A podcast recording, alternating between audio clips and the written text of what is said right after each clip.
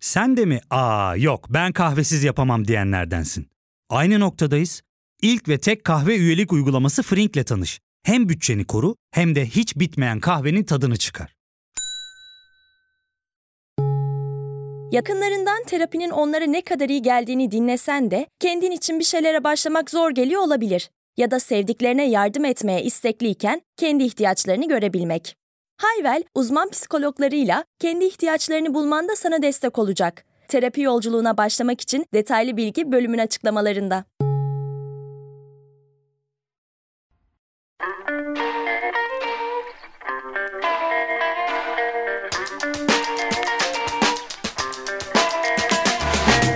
Trendspor'dan herkese merhabalar. Hem Süper Lig takımları lige yeniden başlamadan önce son hazırlık maçlarını oynuyor. Galatasaray Adana Demirspor'la oynadı ve Fenerbahçe'de Salernitana'yı yendi. Hem bu maçları biraz konuşacağım hem de Dünya Kupası'nda da çeyrek finaller tamamlandı. Oldukça heyecanlı, sürprizli, keyifli maçlar oynandı. Bu maçları da değinmek istiyorum. Son podcast bölümümüzden çok da bir zaman geçmemişti aslında ama gelişmeler oldukça fazla olduğu için yeni bir bölüm çekmek istedim. O zaman Galatasaray'la başlayalım. Şimdi Galatasaray Adana Demirspor'la oynadı ve yine sakatlıklarından ve Dünya Kupası'na giden oyuncularından dolayı oldukça yedek ve genç ağırlıklı bir Galatasaray izledik. Kalede Jankat vardı. 18 yaşındaki kaleci Jankat'la ilgili pozitif şeyler duyuyordum. Alt yaş milli takım kategorilerinde yaptığı güzel kurtarışlar, iyi refleksler zaman zaman klip olarak önüme düşüyordu. Bu maçta ilk kez 90 dakika izlemiş oldum kendisini. Birazdan değineceğim. Savunmada Dubois, Metehan, Emin ve Kazımcan şeklinde bir dörtlü vardı. Onların önünde Baran Mata, e, Mata Baran'ı bir İspanyol orta saha olarak tanımlıyor. İki İspanyol vardı. Biraz fazla yumuşaklardı ama. Onların önlerinde Barış sağda, Kerem solda ve Yusuf Demir 10 numarada. En ileride de Gomis'le başladı Galatasaray. Bu maçta ve son Galatasaray maçlarının neredeyse hepsinde gördüğüm bir Galatasaray problemi var. Bu maçın da 10. dakikasında oldu. Barış Alper kafasını kaldırmadan bir orta kesti. Kötü bir ortaydı bu ve o sırada yayda yakın dönemde half space denilen Avrupalıların half space dediği bölgede yani bu ceza sahasının köşe girişleri diyebiliriz half space için. O bölgelerde Galatasaray'da boş oyuncu vardı. Genelde 4-2-3-1 sistemlerinde oynadığınız zaman 10 numaralar kanattaki topla buluşan oyuncuya yaklaşıp o half space pozisyonunda boş kalabiliyor. Yanılmıyorsam bu pozisyonda da yine Yusuf Demir boşta kendini half space'te konumlandırmıştı. Fakat Barış Alper kafasını kaldırmadan ezbere bir orta kesti. Defalarca bekler bindirdiğinde hem sol bek hem de Sasha Boy bindirdiğinde o da genelde buradaki yaydaki boş oyuncuyu bulmuyor ve sıfıra inmeye zorluyor. Önünde adam varsa top kaybıyla da sonuçlanabiliyor veya zorlama bir orta yapıyor. Onlardansa bu yaydaki oyuncuya top çıkarmak gol öncesi en ideal yerlerden bir tanesi half space. Çünkü orada topla buluştuğunuz zaman hem şut çıkarabiliyorsunuz ayak içiyle uzak direğe vuruşlar yapılabiliyor. Hem arka direğe etkili orta yapılabiliyor hem de kilit pas atılabiliyor. Half space hani gol çıkarmak için en ideal boşluklardan bir tanesi. Hani orada Galatasaray oyuncu bulunduruyor. Mertens de oralara gitmeyi çok iyi biliyor. Çok zeki bir oyuncu olduğu için. Ama Galatasaray bekleri ve kanatları oraya top çıkarma konusunda dikkatsizler. Bence bu antrenmanlarda çok daha fazla tembihlenmeli. Oraya çünkü Mertens gitmeyi çok iyi biliyor. Sol bek bindirdiğinde Kerem kendini oraya atmayı çok iyi biliyor. Ama hem bekler hem kanatlar oraya top çıkarma konusunda sanki böyle bir ezberden yoksunluk yaşıyorlar. Bence bunu Okan Hoca'nın görmesi lazım maçları çok izleyerek ve antrenmanlarda bu konuda çalışma yapılması lazım. Ee, bunu söyleyeyim öncelikle. 13. dakikada Adana Demirspor golü geldi. Jankat hatalı bir çıkış yaptı ama o pozisyonda ve daha sonra bir tane daha kaleciyle karşı karşıya pozisyon oldu. Her ikisinde de Jankat kalesini terk ettikten sonra rakiple karşı karşıya kaldıktan sonra yere kapaklanmıyor. Dizlerini yere koymuyor ve çalım yese bile açı vermiyor şut için. Bu önemli bir özellik ama Gulbrandsen çok iyi bitirdi o pozisyonu ve gol yaptı. Üstünden aşırtma vurdu çünkü Jankat'ın ve zor bir pozisyon olmasına rağmen çok iyi bir bitiricilik yaptı. Daha sonraki karşı karşıya pozisyonda mesela Jankat çalımı yemeyip kurtarış yaptı. Bu ikinci yarının sonlarında oldu bu pozisyon. Jankat için hatalı bir çıkış. İlk golde bir hata var ama henüz 18 yaşında olan ve resmi maçı çok az olan bir kaleci için anlaşılabilir bir hata. Özellikle savunma arkasına atılan toplarda kaleyi doğru zamanlarda terk edip terk etmemek çok fazla maç ve çok fazla tekrar yaptıkça gelişen bir konu. O yüzden Jankat nihayet belki sezonun ikinci yarısında veya en geç gelecek sezonun başında devamlı ilk 11 oynayacağı bir profesyonel takıma kiralanırsa yani resmi maç oynayabileceği bir takıma kiralanırsa bu konularda gelişebileceğini düşünüyorum. Fiziğini beğendim, reflekslerini beğendim. Genel olarak kalede küçülmüyor. Birebirlerde büyümeye çalışıyor. Bu gibi özelliklerini beğendim. Bence çok net bir potansiyeli var ama mutlaka devamlı oynayacağı bir takıma kiralanması gerekiyor diye düşünüyorum. Galatasaray onun dışında savunma arkasına çok top attırdı. Bunda Mata ve Baran ikilisinin yan yana oynaması bence bir problemdi. Mata sonuçta çok çok az savunma yapıyor. Neredeyse hiç savunma yapmıyor. Baran'ın da en önemli eksiği yumuşak kalması ikili mücadelelerde. O yüzden hem Badu Endiaye gibi dribbling yapmayı da seven oyuncular driblingle de kolay çıktı o merkezden. Hem de kolay top tattırdı bu oyuncular. Hemen baskı yapamadılar çünkü. Ve bu yüzden savunma arkasına çok top atıldı. Ama Galatasaray da çok pozisyon buldu. Belki 5-5 bitebilecek bir maçtı yani. Ama Adana Demirspor'da biraz rehavet vardı yani. Biraz dikkatsiz oynadı maçı. Rahat oynadı. Galatasaray'da da dediğim gibi yedek ve genç ağırlıklı oyuncu çok olduğu için biraz böyleydi. 5-5 bitebilecek maç 2-2 bitti diyebiliriz. Baran için savunması eksik dedim ama ard arda oynadıkça özgüveninin yükseldiğini görüyorsunuz ve hatta sahadaki duruşu bile değişti. 3 hazırlık maçında ard arda oynadı. Galatasaray formasıyla ve ikinci yarının ortalarında kendi savunmasının önünde ceza sahasının önünde e, baskı yedi iki Adana Demirsporlu oyuncudan ve Zidane'la özdeşleşmiş olan ruleti yaptı ve çok şık bir hareketle iki kişinin arasından çıktı. E, o bile hani o pozisyon sadece tek başına Baran'ın ne kadar özgüvenini yükselttiğini de gösteriyor. Biliyorsunuz geçtiğimiz günlerde de sürekli söyledim bunu. Podcast'te de söylemiştim sanırım bir önceki bölümde. Baran 20 yaşına girecek önümüzdeki ayda ve 20 yaş yaşına kadar oynadığı resmi maç sayısı sıfır. Sadece iki tane Türkiye Kupası maçında süre aldı. Sonradan girdi oyuna. Toplam 16 dakikası var sadece Baran'ın. Ve bu Baran'ı maalesef çok fazla sınırlandırmış. Jankat şu anda ondan 2 yaş küçük ve umarım Jankat bu 2 seneyi Baran gibi alt yaş kategorilerinde doğru düzgün resmi maça bile çıkmadan boşu boşuna geçirmez. Baran geçen seneyi en azından bir 25-30 maç devamlı oynadığı bir takımda bir alt lig takımında bile olsa devamlı oynadığı bir takımda çıkarsa bugün çok daha iyi olabilirdi. 3 maç üst üste oynadığında bile net bir mental gelişim fark edebiliyorsunuz. Özgüven gelişimini çok net fark edebiliyorsunuz. Bu açıdan yine ekstra üzdü beni bu durum.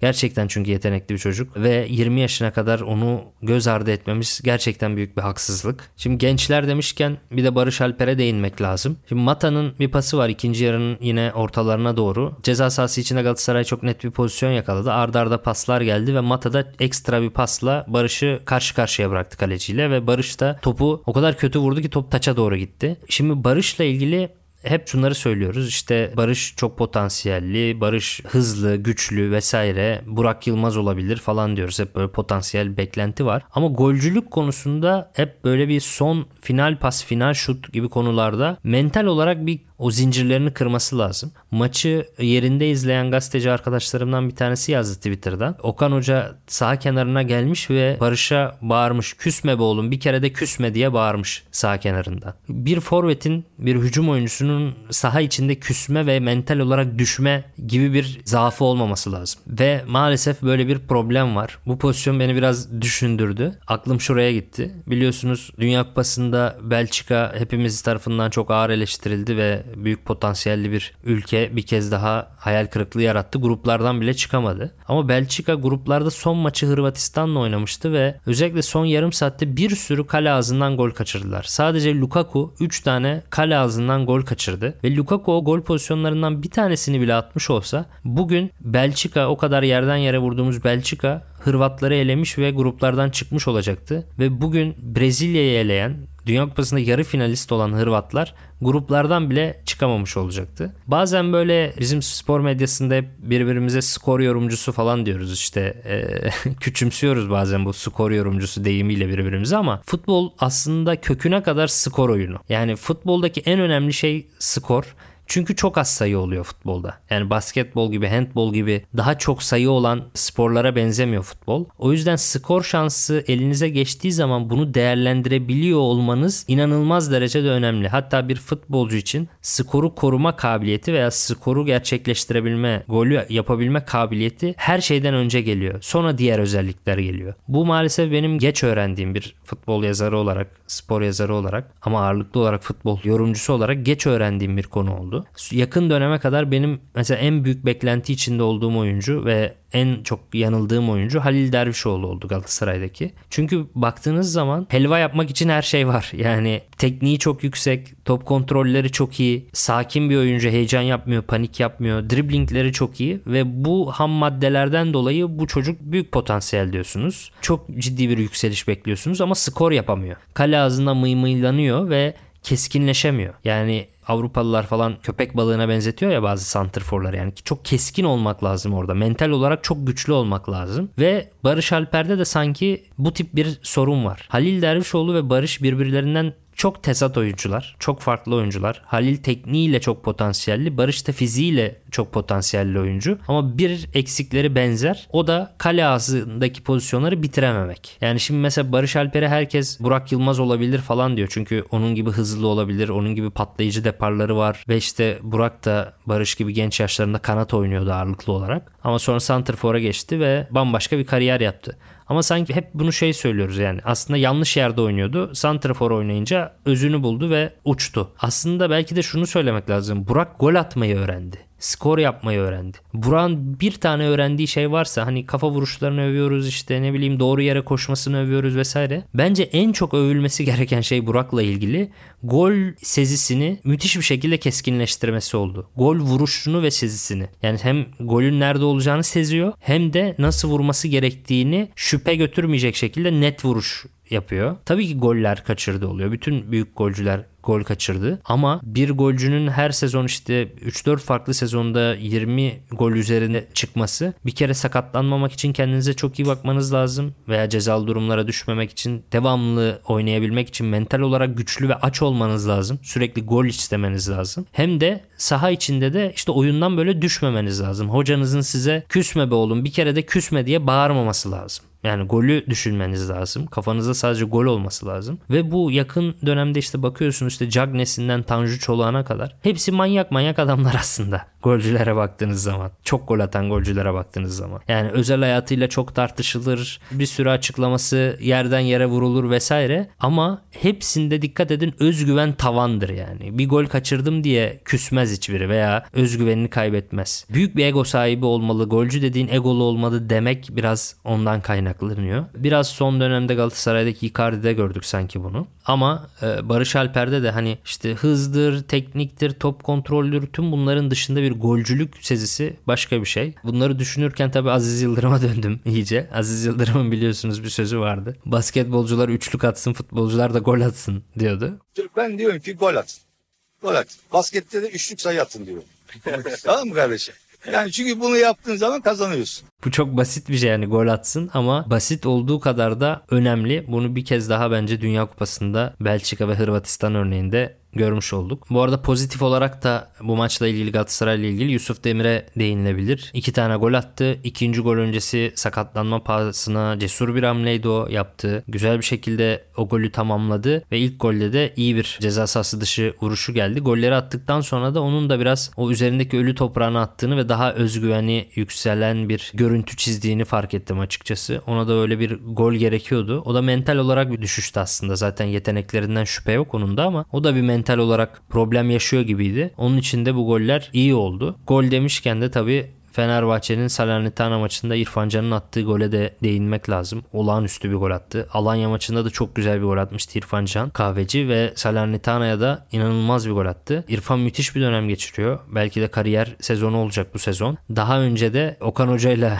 iyi bir dönem geçirmişti. Belki de İrfan Can'a böyle hedefli takım lazım. Yani Başakşehir'de de şampiyonluğa gidilen ve Avrupa'da iyi işler yapılan sezonda mesela İrfan Can'ın çok iyi oynadığını hatırlıyoruz. Fenerbahçe'de de en iyi sezonu böyle şampiyonluk yarışında geçen bir sezon oldu. Takım iyi olunca, etrafı güzel oynayınca İrfan da daha da böyle kendini veriyor ve parlıyor belki de diyebiliriz. Çok iyi oynuyor. Umarım böyle devam eder. Fenerbahçe tabii Dünya Kupası dönemini çok iyi geçirdi. Oynadıkları bütün hazırlık maçları çok gollü ve galibiyetle geçiyor. İrfan Can'ın yükselen formu dışında sakatlıktan dönen Mert Hakan Yandaş ve Joshua King'in de çok iyi bir hazırlık dönemi geçirdiğini söylemek lazım. İlk bölümde oynamayan, ağırlıklı olarak yedek kalan Serdar Dursun'un da müthiş bir hazırlık dönemi geçirdiğini söylemek lazım. Hani Jorge Jesus bu Dünya Kupası'nda 3 yeni transfer yapmış gibi oldu. Hem Mert Hakan hem Joshua King sakatlıktan dönenler yeni transfer gibi oldular. Hem de uzun süredir oynatmadığı Serdar Dursun'u da yeni bir transfer gibi kadroya katmış oldu. Belki Pedro'yu kaybetti ama 3 yeni oyuncu kazanmış atlatmış gibi oldu Fenerbahçe. Aynı zamanda ara öncesinde zaten iyi giden İrfan Can Kahveci ve Ferdi Kadıoğlu gibi iki oyuncunun da arada da performanslarını daha da yükselttiklerini görüyoruz. Dünya Kupası sonrasına Fenerbahçe gerçekten çok güçlü giriyor. Galatasaray için ise bir şey söylemek zor. Çünkü Mitsio de son yarım saat oyuna girdi. 16'sında bir hazırlık maçı daha olacak Galatasaray'ın. 13'ünde de olacak diye biliyorum, duydum ama kesin mi bilmiyorum. Son 1-2 hazırlık maçı sonra da bir Türkiye Kupası maçı olacak. Ayın 16'sındaki maçta Torreira ve Dünya Kupası'ndan gelen oyuncuların oynamasını bekliyoruz demişti Okan Hoca. Hani onların oynaması ve Türkiye Kupası maçıyla Galatasaray adına daha net konuşulabilir ama Galatasaray'da bu Dünya Kupası arasında Baran'ı kazanmış oldu. Genç oyuncuları biraz daha kazanmış oldu. Bu maçta tabii atladım. Esas Diboa da çok iyi oynadı. Onun da e, hakkını vermek lazım. Diboa bilhassa sezonun ikinci yarısında kapanan rakiplere karşı Galatasaray için çok önemli olacaktır. Onun da zaten çok net bir maç eksiği vardı ve bu hazırlık maçları biraz onun işine yaradı. Ardarda arda yarımşar yarımşar gerektiği kadar dakika alarak biraz ritmini arttırmış gibi gözüküyor. Süper Lig takımlarını böylelikle bitirmiş olduk. Şimdi biraz Dünya Kupası arasına geçelim ama öncesinde ufak bir aramız olacak. Döndüğümüzde Dünya Kupası çeyrek final eşleşmelerini değerlendireceğiz. Ya fark ettin mi? Biz en çok kahveye para harcıyoruz. Yok abi, bundan sonra günde bir. Aa, sen Frink kullanmıyor musun? Nasıl yani? Yani kahvenden kısmına gerek yok. Frink'e üye olursan aylık sadece 1200 TL'ye istediğin çeşit kahveyi istediğin kadar içebilirsin. Günlük 40 TL'ye sınırsız kahve mi yani? Çok iyiymiş. Aynen. Hatta şu anda 200 TL'lik bir indirim kodu da var. E hadi hemen indirip üye ol da bu fırsatı kaçırma. Terapiye başlamak, içinden çıkamadığın döngüleri kırmak, bazı yanlış bulduğun kararlarını değiştirmek ve kendinle beraber daha huzurlu bir yaşam inşa etmek için atabileceğin en değerli adımlardan biri. Hayvel ile yoğun yaşam tempona uyum sağlayarak online terapi seanslarını takvimine göre ayarlayabilirsin. Bini aşkın uzmandan sana en uygun terapisti seçebilir, PodB10 koduyla indirimden yararlanabilirsin. Detaylı bilgi açıklamalardaki bağlantıda. Dünya Kupası'nda önce büyük sürprizle başlayalım.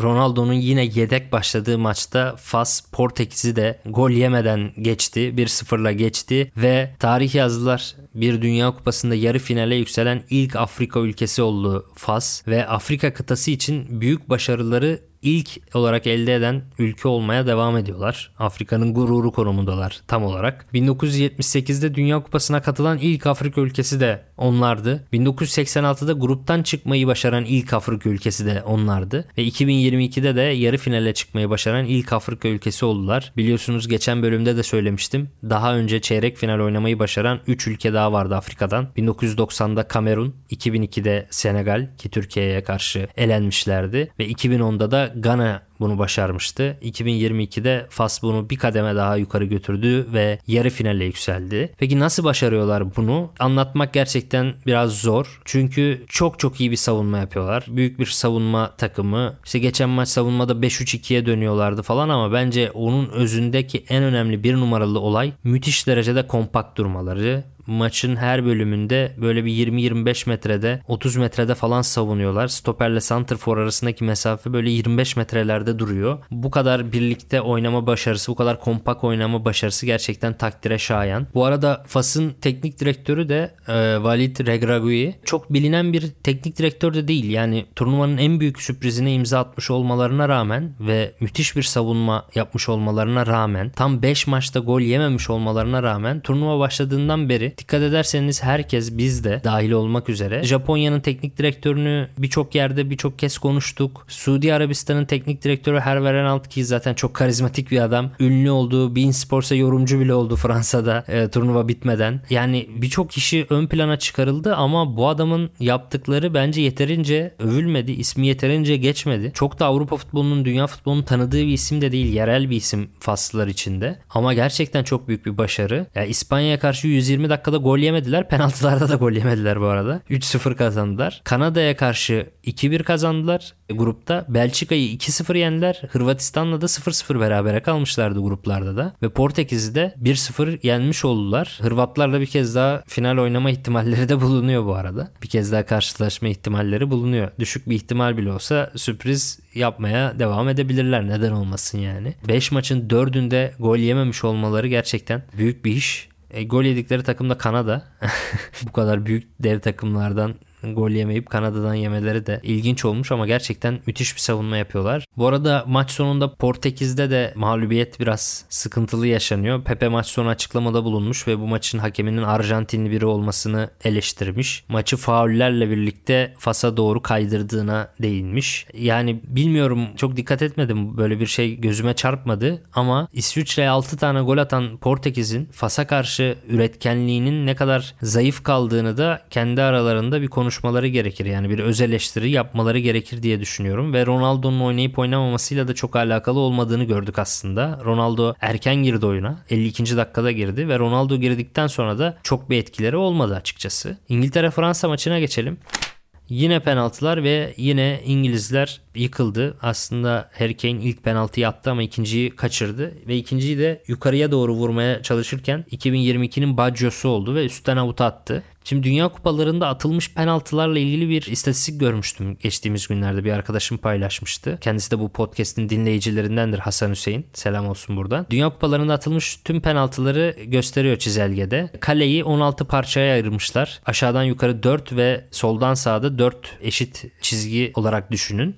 Kalenin üstünde kalan 4 kutuya yani 90 diye tabir edilen iki köşeye üst direğin ve yan direklerin birleştiği yerlere ve kalenin ortasındaki yukarıda olan iki bölüme vurulmuş bütün penaltılar Dünya Kupaları tarihinde %100'le gol olmuş. Yani üst direk altına vurulmuş kalenin ortasına bile vursanız üst direğin altına vurduğunuz bütün toplar gol oluyor. Bunun sebebi kaleciler penaltılarda uçuyorlar. Yani ya sağa ya sola ve yerden şutları çıkarmaya veya ortaya gelen şutları çıkarmaya meyilliler ama üste vurulan topları kalecinin kurtarma ihtimali yok. Yani Dünya Kupalarında hiç olmamış. Liglerde falan olmuştur tabii ki ama Dünya Kupalarında örneği yok. Fakat o %100'ü yakalamak için yukarıya vurulmaya çalışılan ve üst direkte patlayan veya üstten avuta giden kaç penaltı var? Bunu da o istatistikte görmek isterdim tabii ki. Compress Rater'ın istatistiğiydi bu. Yani üst direk altına vurmanın başarı oranı %100 ama üst direk altına vurmak kolay değil diyebiliriz ve Harry Kane de ikinci penaltıda bunu denedi ama üstten avuta gönderdi. Fransa'da tabii Conde,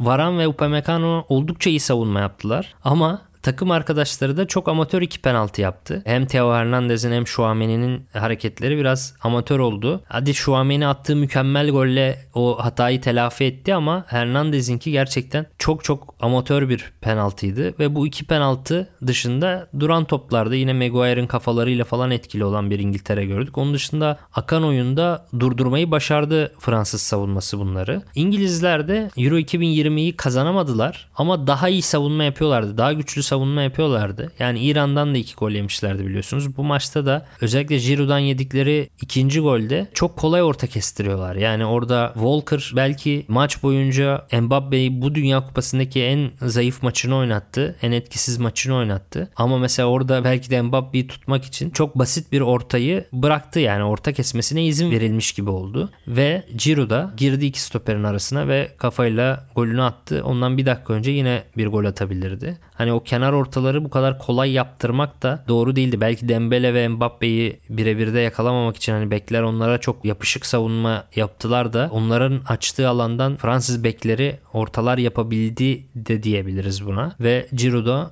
onlardan bir tanesini de affetmedi. Bir de Chouameni'nin çok ekstra golü gelince Fransa bu turu geçmiş oldu. Tabi son dünya şampiyonu olmasına rağmen ve belki de kadrosundaki en iyi 5 oyuncudan 3 tanesini sakatlıklar yüzünden oynatamıyor olmasına rağmen Pogba'yı, Kante'yi ve Benzema'yı oynatamıyor olmasına rağmen yarı finale kalmış olmaları da Fransızlar için çok büyük bir başarı. Çünkü günümüz futbolunda, modern futbolda en büyük problem doymuşluk biliyorsunuz. Hatta bunun da çok net bir Dünya Kupası istatistiği var. 1998'de Fransa dünya şampiyonu oluyor. 2002'de gruptan çıkamıyor. 2002'de Brezilya dünya şampiyonu oluyor. 2006'da yakın dönemin en zengin Brezilya kadrosu. İşte Ronaldinho'nun prime dönemi, Robinho'nun prime dönemi, Kaka'nın prime dönemi, Adriano'nun prime dönemi olan o en şaşalı Brezilya çok erken turda Fransa'ya elenmişti Zidane'a. 2006'da İtalya almıştı o kupayı. 2010'da gruptan çıkamamışlardı. 2010'da İspanya almıştı. 2014'te gruptan çıkamamışlardı. 2014'te Almanya almıştı. 2018'de gruptan çıkamamışlardı ve 2018'de Fransa aldı ve bir süre eksikle yeniden yarı final oynadı. Ama belki de zaten eksilmek lazım. Yani belki de doymuş olan Pogba yerine aç olan Şuameni oynamalı. Belki o basit hatayı yapacak ama o şutu o inançla da vuracak veya daha çok koşup daha çok isteyecek. Gerçi yani Giroud da aldı o turnuvayı. İşte Mbappe de kazandı. Griezmann da kazandı. Kadroda kazanan da çok aslında. Hani Varan da işte o kadrodandı. Upamecano yeni diyebiliriz. Şuameni yeni. Dembele'yi yeni olarak sayabiliriz. Çok da yeni oyuncu da değil ama yine de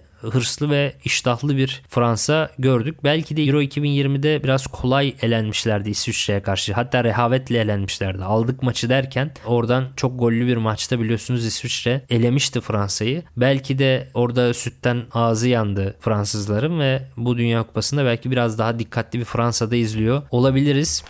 Evet biraz da cuma günkü maçlara değinelim. Öncelikle Hollanda-Arjantin maçıyla başlayalım. Bu maçın sonu bana 3-4 sezon önceki Şampiyonlar Ligi yarı finali Tottenham Ajax maçını hatırlattı. Hatırlarsınız Tottenham Lucas Moura'nın son dakikada son saniyelerde attığı golle 3-2 kazanmıştı Ajax deplasmanında ve finale yükselmişti. Çok dramatik bir maçtı. O maçta da Ajax'ın savunması kısaydı. Yine Blindwall vardı savunmada ve Tottenham teknik direktörü Pochettino devre arasında 1.93'lük Fernando Llorente'yi İspanyol pivot Llorente'yi oyuna almıştı ve onun indirdiği toplara Lucas Moura'nın hareketlenmeleri sonucu işte Ajax'ı 2-0'dan çevirip 3-2 yenmişlerdi ve büyük bir sürprize imza atmışlardı. Hatta o dönem Jose Mourinho yorumculuk yapıyordu. Teknik direktör değildi ve Pochettino'nun taktiğini överek futbolun bir tezatlık oyunu olduğunu ve gerektiği zaman rakibinizin eğer savunması kısa kalıyorsa sizin de pekala oyun şablonunuzu değiştirip belki old school olan belki eski diyebileceğiniz bir taktiğe dönüp de bir tezatlık yaratmanız ve buradan sonuç elde etmenizin aslında son derece doğru bir iş olduğunu çok güzel anlatmıştı Mourinho. Ee, bu maçta aslında ona çok benziyordu. 73. dakikaya kadar her şey Arjantin'in istediği doğrultuda gidiyordu. Messi her istediğini yapabilmişti. Bir gol bir asistle maçı 2-0'a getirmişti ve çok kolay bir tur görünümündeydi. Açıkçası çok daha dengeli bir maç bekliyordum ben ve fakat Arjantin maçı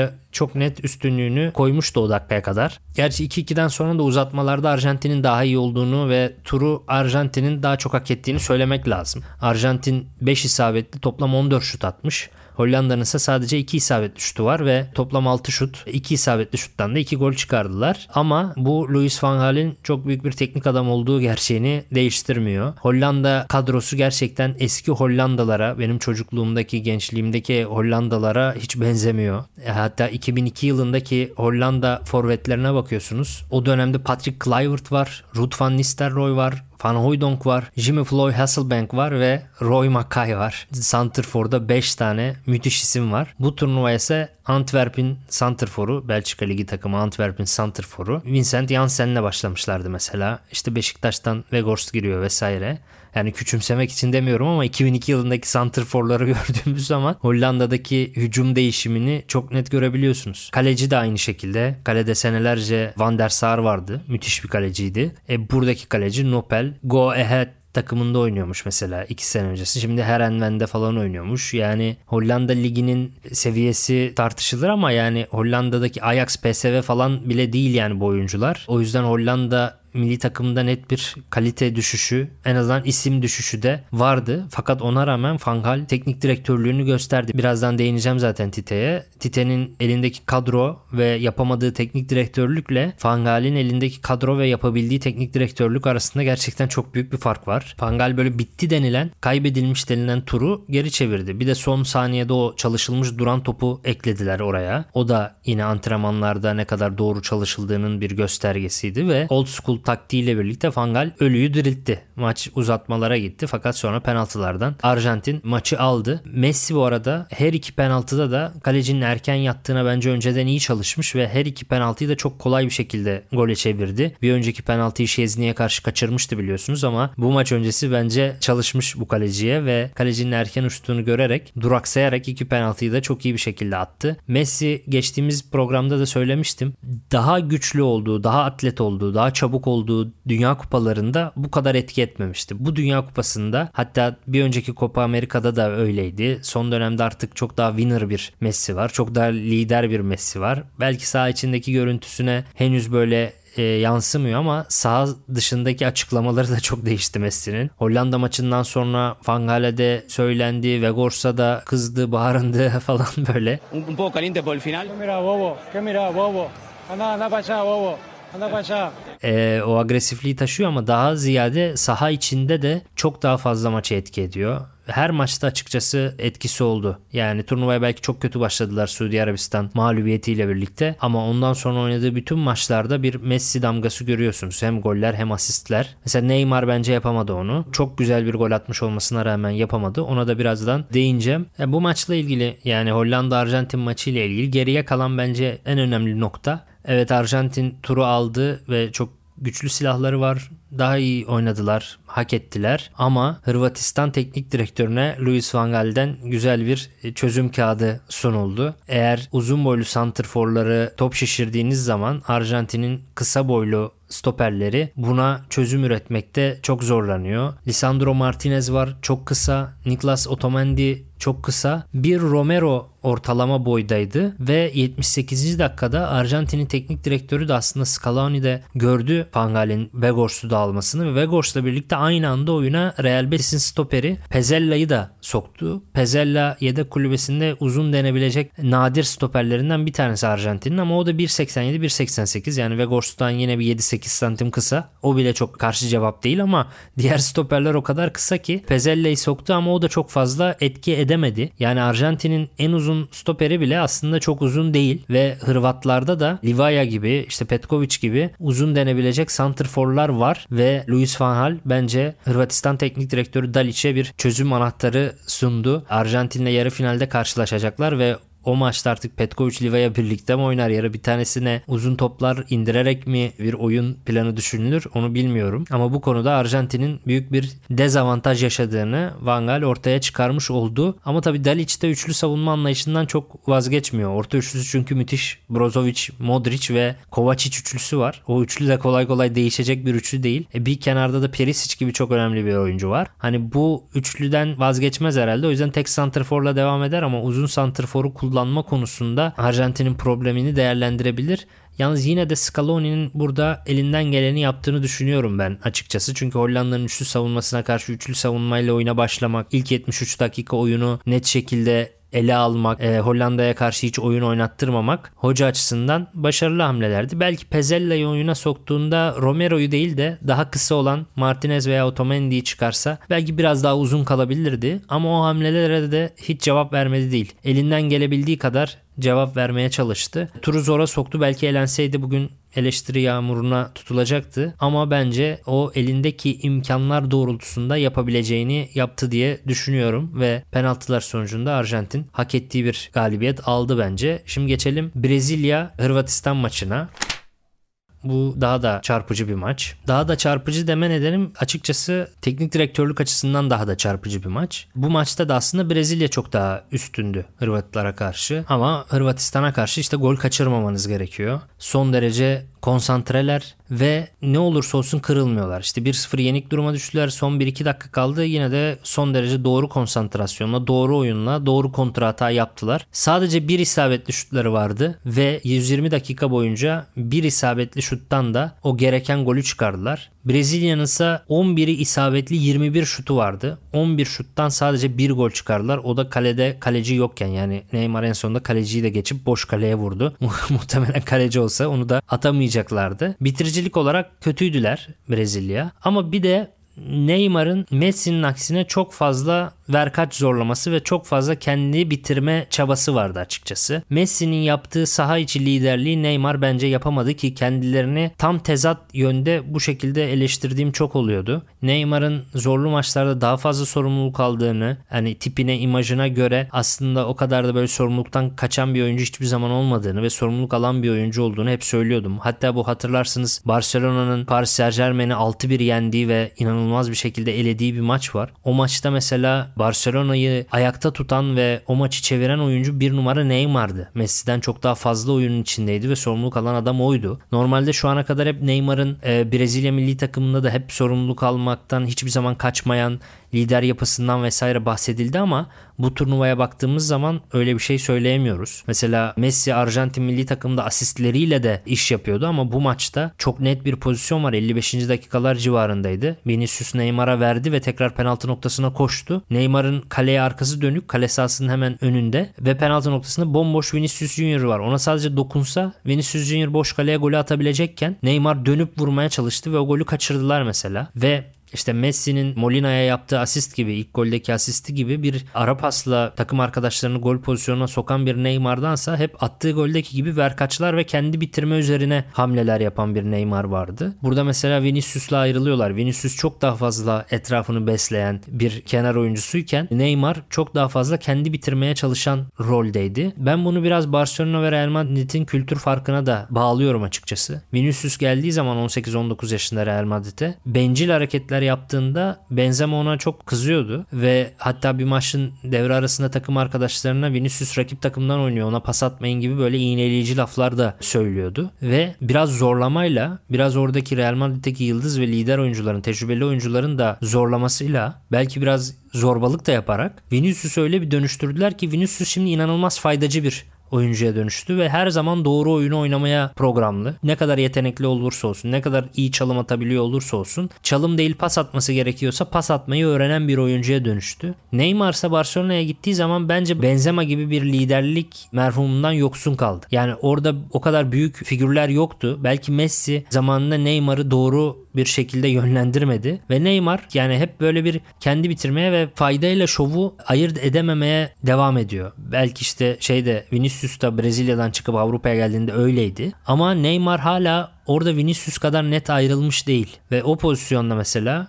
çok daha net bir gol pozisyonunda. O golü çıkaramadılar. Pası vermedi çünkü Vinicius'a. Devamında da bir sürü gol kaçırdılar ve 90 dakika içinde almaları gereken maç aslında uzatmalara kaldı. Bu savurganlık yüzünden. Bir de mesela sağ açığa Antony girdi. İşte Ralpinha yerine 56. dakikada. Bence Vinicius Junior da çok erken çıktı 64'te. Rodrigo girdi yerine ama Vinicius çok daha olgun bence Rodrigo'ya göre. Real Madrid'i çok izleyen biri olarak bunu net fark ediyorum. Vinicius kalsaydı ben 90 dakika içinde bu turu alabileceğini de düşünüyorum açıkçası. Ama Anthony de girdikten sonra o da çok fazla bir showman. Yani faydacılıktan çok daha fazla şova kaçıyor ve hep taç çizgisinde bir bacak arası atıyor. Orta sahanın oralardalar 40 metrelerdekiler. Rakip kaleye 40-45 metre uzaklıktalar ve yaptığı bacak arası sonrası Hırvat bir oyuncu geliyor bir tekme atıyor ona. Taç çizgisinin dışına gönderiyor onu. Orada bir iki dakika oyun duruyor. Oradan tehlikesiz bir duran top kullanılıyor falan. Hani akılda kalıyor Anthony'nin müthiş çalımları ama fayda fayda yok. Çünkü kaleye çok uzak. Kaleye çok uzak topla buluştuğunuz zaman dünyanın en iyi çalımını atsanız hiçbir işe yaramıyor. Geçtiğimiz günlerde bir pozisyon gördüm mesela. Yine Dünya Kupası'nda mıydı? Şimdi tam hatırlayamıyorum. Bir oyuncu taç çizgisinde rakip sağ beke bir bacak arası attı sol açık oyuncusu. Ee, sağ bekte işte full hızla geri dönüyor tekrar yetişmek için. Sonra topuyla bir daha topa vurdu. Yine bacak arası atmış oldu sağ beke ve geri döndü. Taraftar coştu ama bu aksiyon sonrasında sol açık aynı pozisyonundaydı topula buluştuğu, aksiyon öncesinde buluştuğu yerdeydi. Sağ bekte yine aynı pozisyondaydı. Yani sağ beke iki tane bacak arası attı ama başladığı yere geri döndü. Fayda sıfır. Ha, şov %100 belki taraftar coştu falan ama fayda sıfır. Ve en nihayetinde işte Anthony gibi oyuncular, Neymar, e, müthiş çalımlar vesaire ama gel gör ki sonuca yansımıyor. Yani 105. dakikada müthiş bir gol attı Neymar ve belki yarı finale kalmış olsaydı o hatayı yapmamış olsalardı yine de bir sorun yoktu. Çünkü ne olursa olsun Neymar maçı fazlasıyla isteyen, sorumluluk alan, liderlik etmeye çalışan bir karakterde karakter olarak bir eleştirim yok kendisine kesinlikle ama oyun aklı olarak Vinicius Junior'ın geliştiği gibi bir türlü gelişmedi Neymar ve çok daha yaşlı olmasına rağmen hala faydayla şovu birbirine karıştırabiliyor ve o yüzden çok daha erken bitirmeleri gereken maçı bitiremediler. Ben ama burada yine de Tite'yi çok sert eleştiriyorum. Twitter'dan da yazdım. 105. dakikada skoru aldıktan sonra yaptığı oyuncu değişiklikleri gerçekten çok garipti. Son çeyrek işte son 15 dakikaya girilirken Militao'yu çıkardı ve Alexandro'yu aldı. Sağ bek oynuyordu Militao. Stoper biliyorsunuz. Güçlü bir stoper bek, atlet ve skor korumaya çalıştığınız zaman böyle bir stoper bekle oynamak çok daha iyi zaten. E, ve Alexandro da iki tane maç oynamamış. Sakatlıktan dönmüş. Maç ritmini kaybetmiş bir oyuncu. Son 15 dakikaya maç ritmi kaybolmuş bir oyuncuyu sokuyorsunuz. Ve o dakikaya kadar sol bek oynayan Danilo sağ beke geçiyor. Militao çıkıyor. Sol beke Sandro geçiyor. Savunmanın sağını ve solunu son 15 dakika kala kendi kendinize durup dururken karıştırmış oluyorsunuz. Oyuncular ritim kaybediyor, uyum kaybediyor. O 105'e kadar birlikte oynamaya alışmış işte Militao yanındaki stoperle uyumlu bir şekilde gidiyor falan. Orada bir değişiklik geliyor ve Militao çıktıktan sonra bakın Hırvatistan'ın sol tarafını çok daha etkili kullandığını görüyoruz. Gol de zaten oradan çevrilen topla falan geldi. Daha da garibi aynı dakikada son 15 dakika kala Paketa çıkıyor orta sahadan ve Fred giriyor oyuna. Ve ya Paketa'nın çıkmasında değilim.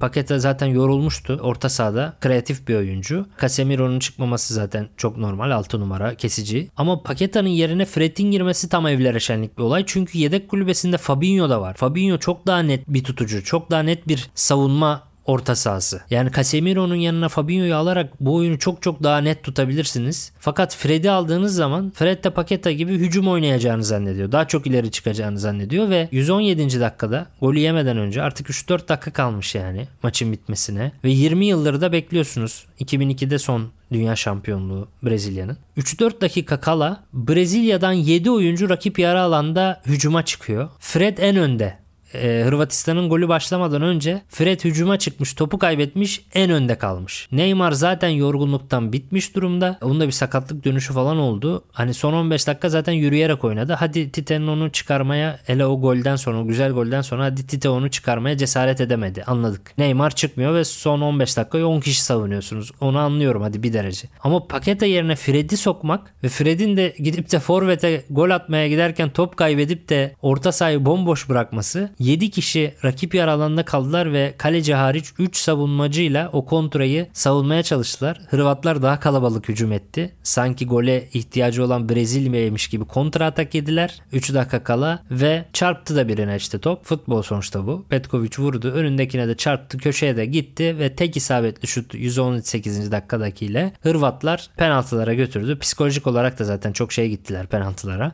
Avantajlı gittiler ve penaltılarda da kazanmış oldular. İlk penaltıyı Rodrigo'nun kullanması da yani tam olarak tüy dikmek oldu taktik değişikliklere. Ama yani Van Gaal'in ne kadar bitmiş ölmüş bir maçı ne kadar güzel çevirdiğini görüyorsunuz. Bir de Tite'nin elindeki maçı ne kadar kötü bir şekilde alamadığını görüyorsunuz. Vinicius Junior'ı çıkararak ilk bir hata yaptı. Anthony'yi alıp da orada bir şovu arttırarak bence hata yaptı. Neymar'ı 1-0'dan sonra çıkarmaya cesaret edemeyerek hata yaptı. 10 kişi oynadılar. Neymar artık yorgunluktan bitmişti. Ama hepsinden öte Militao'yu çıkarıp beklerin yerini değiştirmek çok saçma bir işti. Karambol yarattı savunmada. E, hepsinden de öte paket ayının yerine Fred'i sokmak da gerçekten çok saçma bir işti. Fabinho yedek kulübesinde dururken. Bu arada Firmino'yu da almadı ve Pedro oyuna girdi. Bence Firmino girse burada kapalı savunmaları aşma konusunda çok çok daha etkili olurdu. Etrafındakileri de çünkü çok oynatıyor. Firmino'yu biliyorsunuz kadroya almamıştı. Tite zaten istifa etti ama gerçekten bu turnuvada bu kadar güçlü bir Brezilya'nın, bu kadar etkili bir Brezilya'nın bu kadar erken elenmesinin bir numaralı sebebiydi Tite. Benim de favori takımımdı. Bu turdan da yani net bir Brezilya bekliyordum ama oyun olarak da çok net bu arada. Bir isabetli şuta karşı 11 isabetli şut atmak e, ve karşılığında penaltılarla elenmek zaten bir şeyleri gösteriyor. Ama teknik direktör farkı da çok belirleyiciydi. Hollanda belki penaltılarla kaybetti ama teknik direktörü büyük iş yaptı. Brezilya da penaltılarla kaybetti ama Tite gerçekten maçı veren isimdi bence. Bugünlük bu kadar. Yarı finallerde de umarım çok güzel maçlar izleriz. Bence keyifli bir turnuva oluyor bu arada. Tüm bu şeylere rağmen işte Katar'ın düzenlemesi ve bir, bir sürü probleme rağmen oyunlar saha içindeki oyunlar en azından heyecanlı ve keyifli geçiyor. Dinlediğiniz için teşekkürler. Gelecek hafta görüşmek üzere. Hoşçakalın.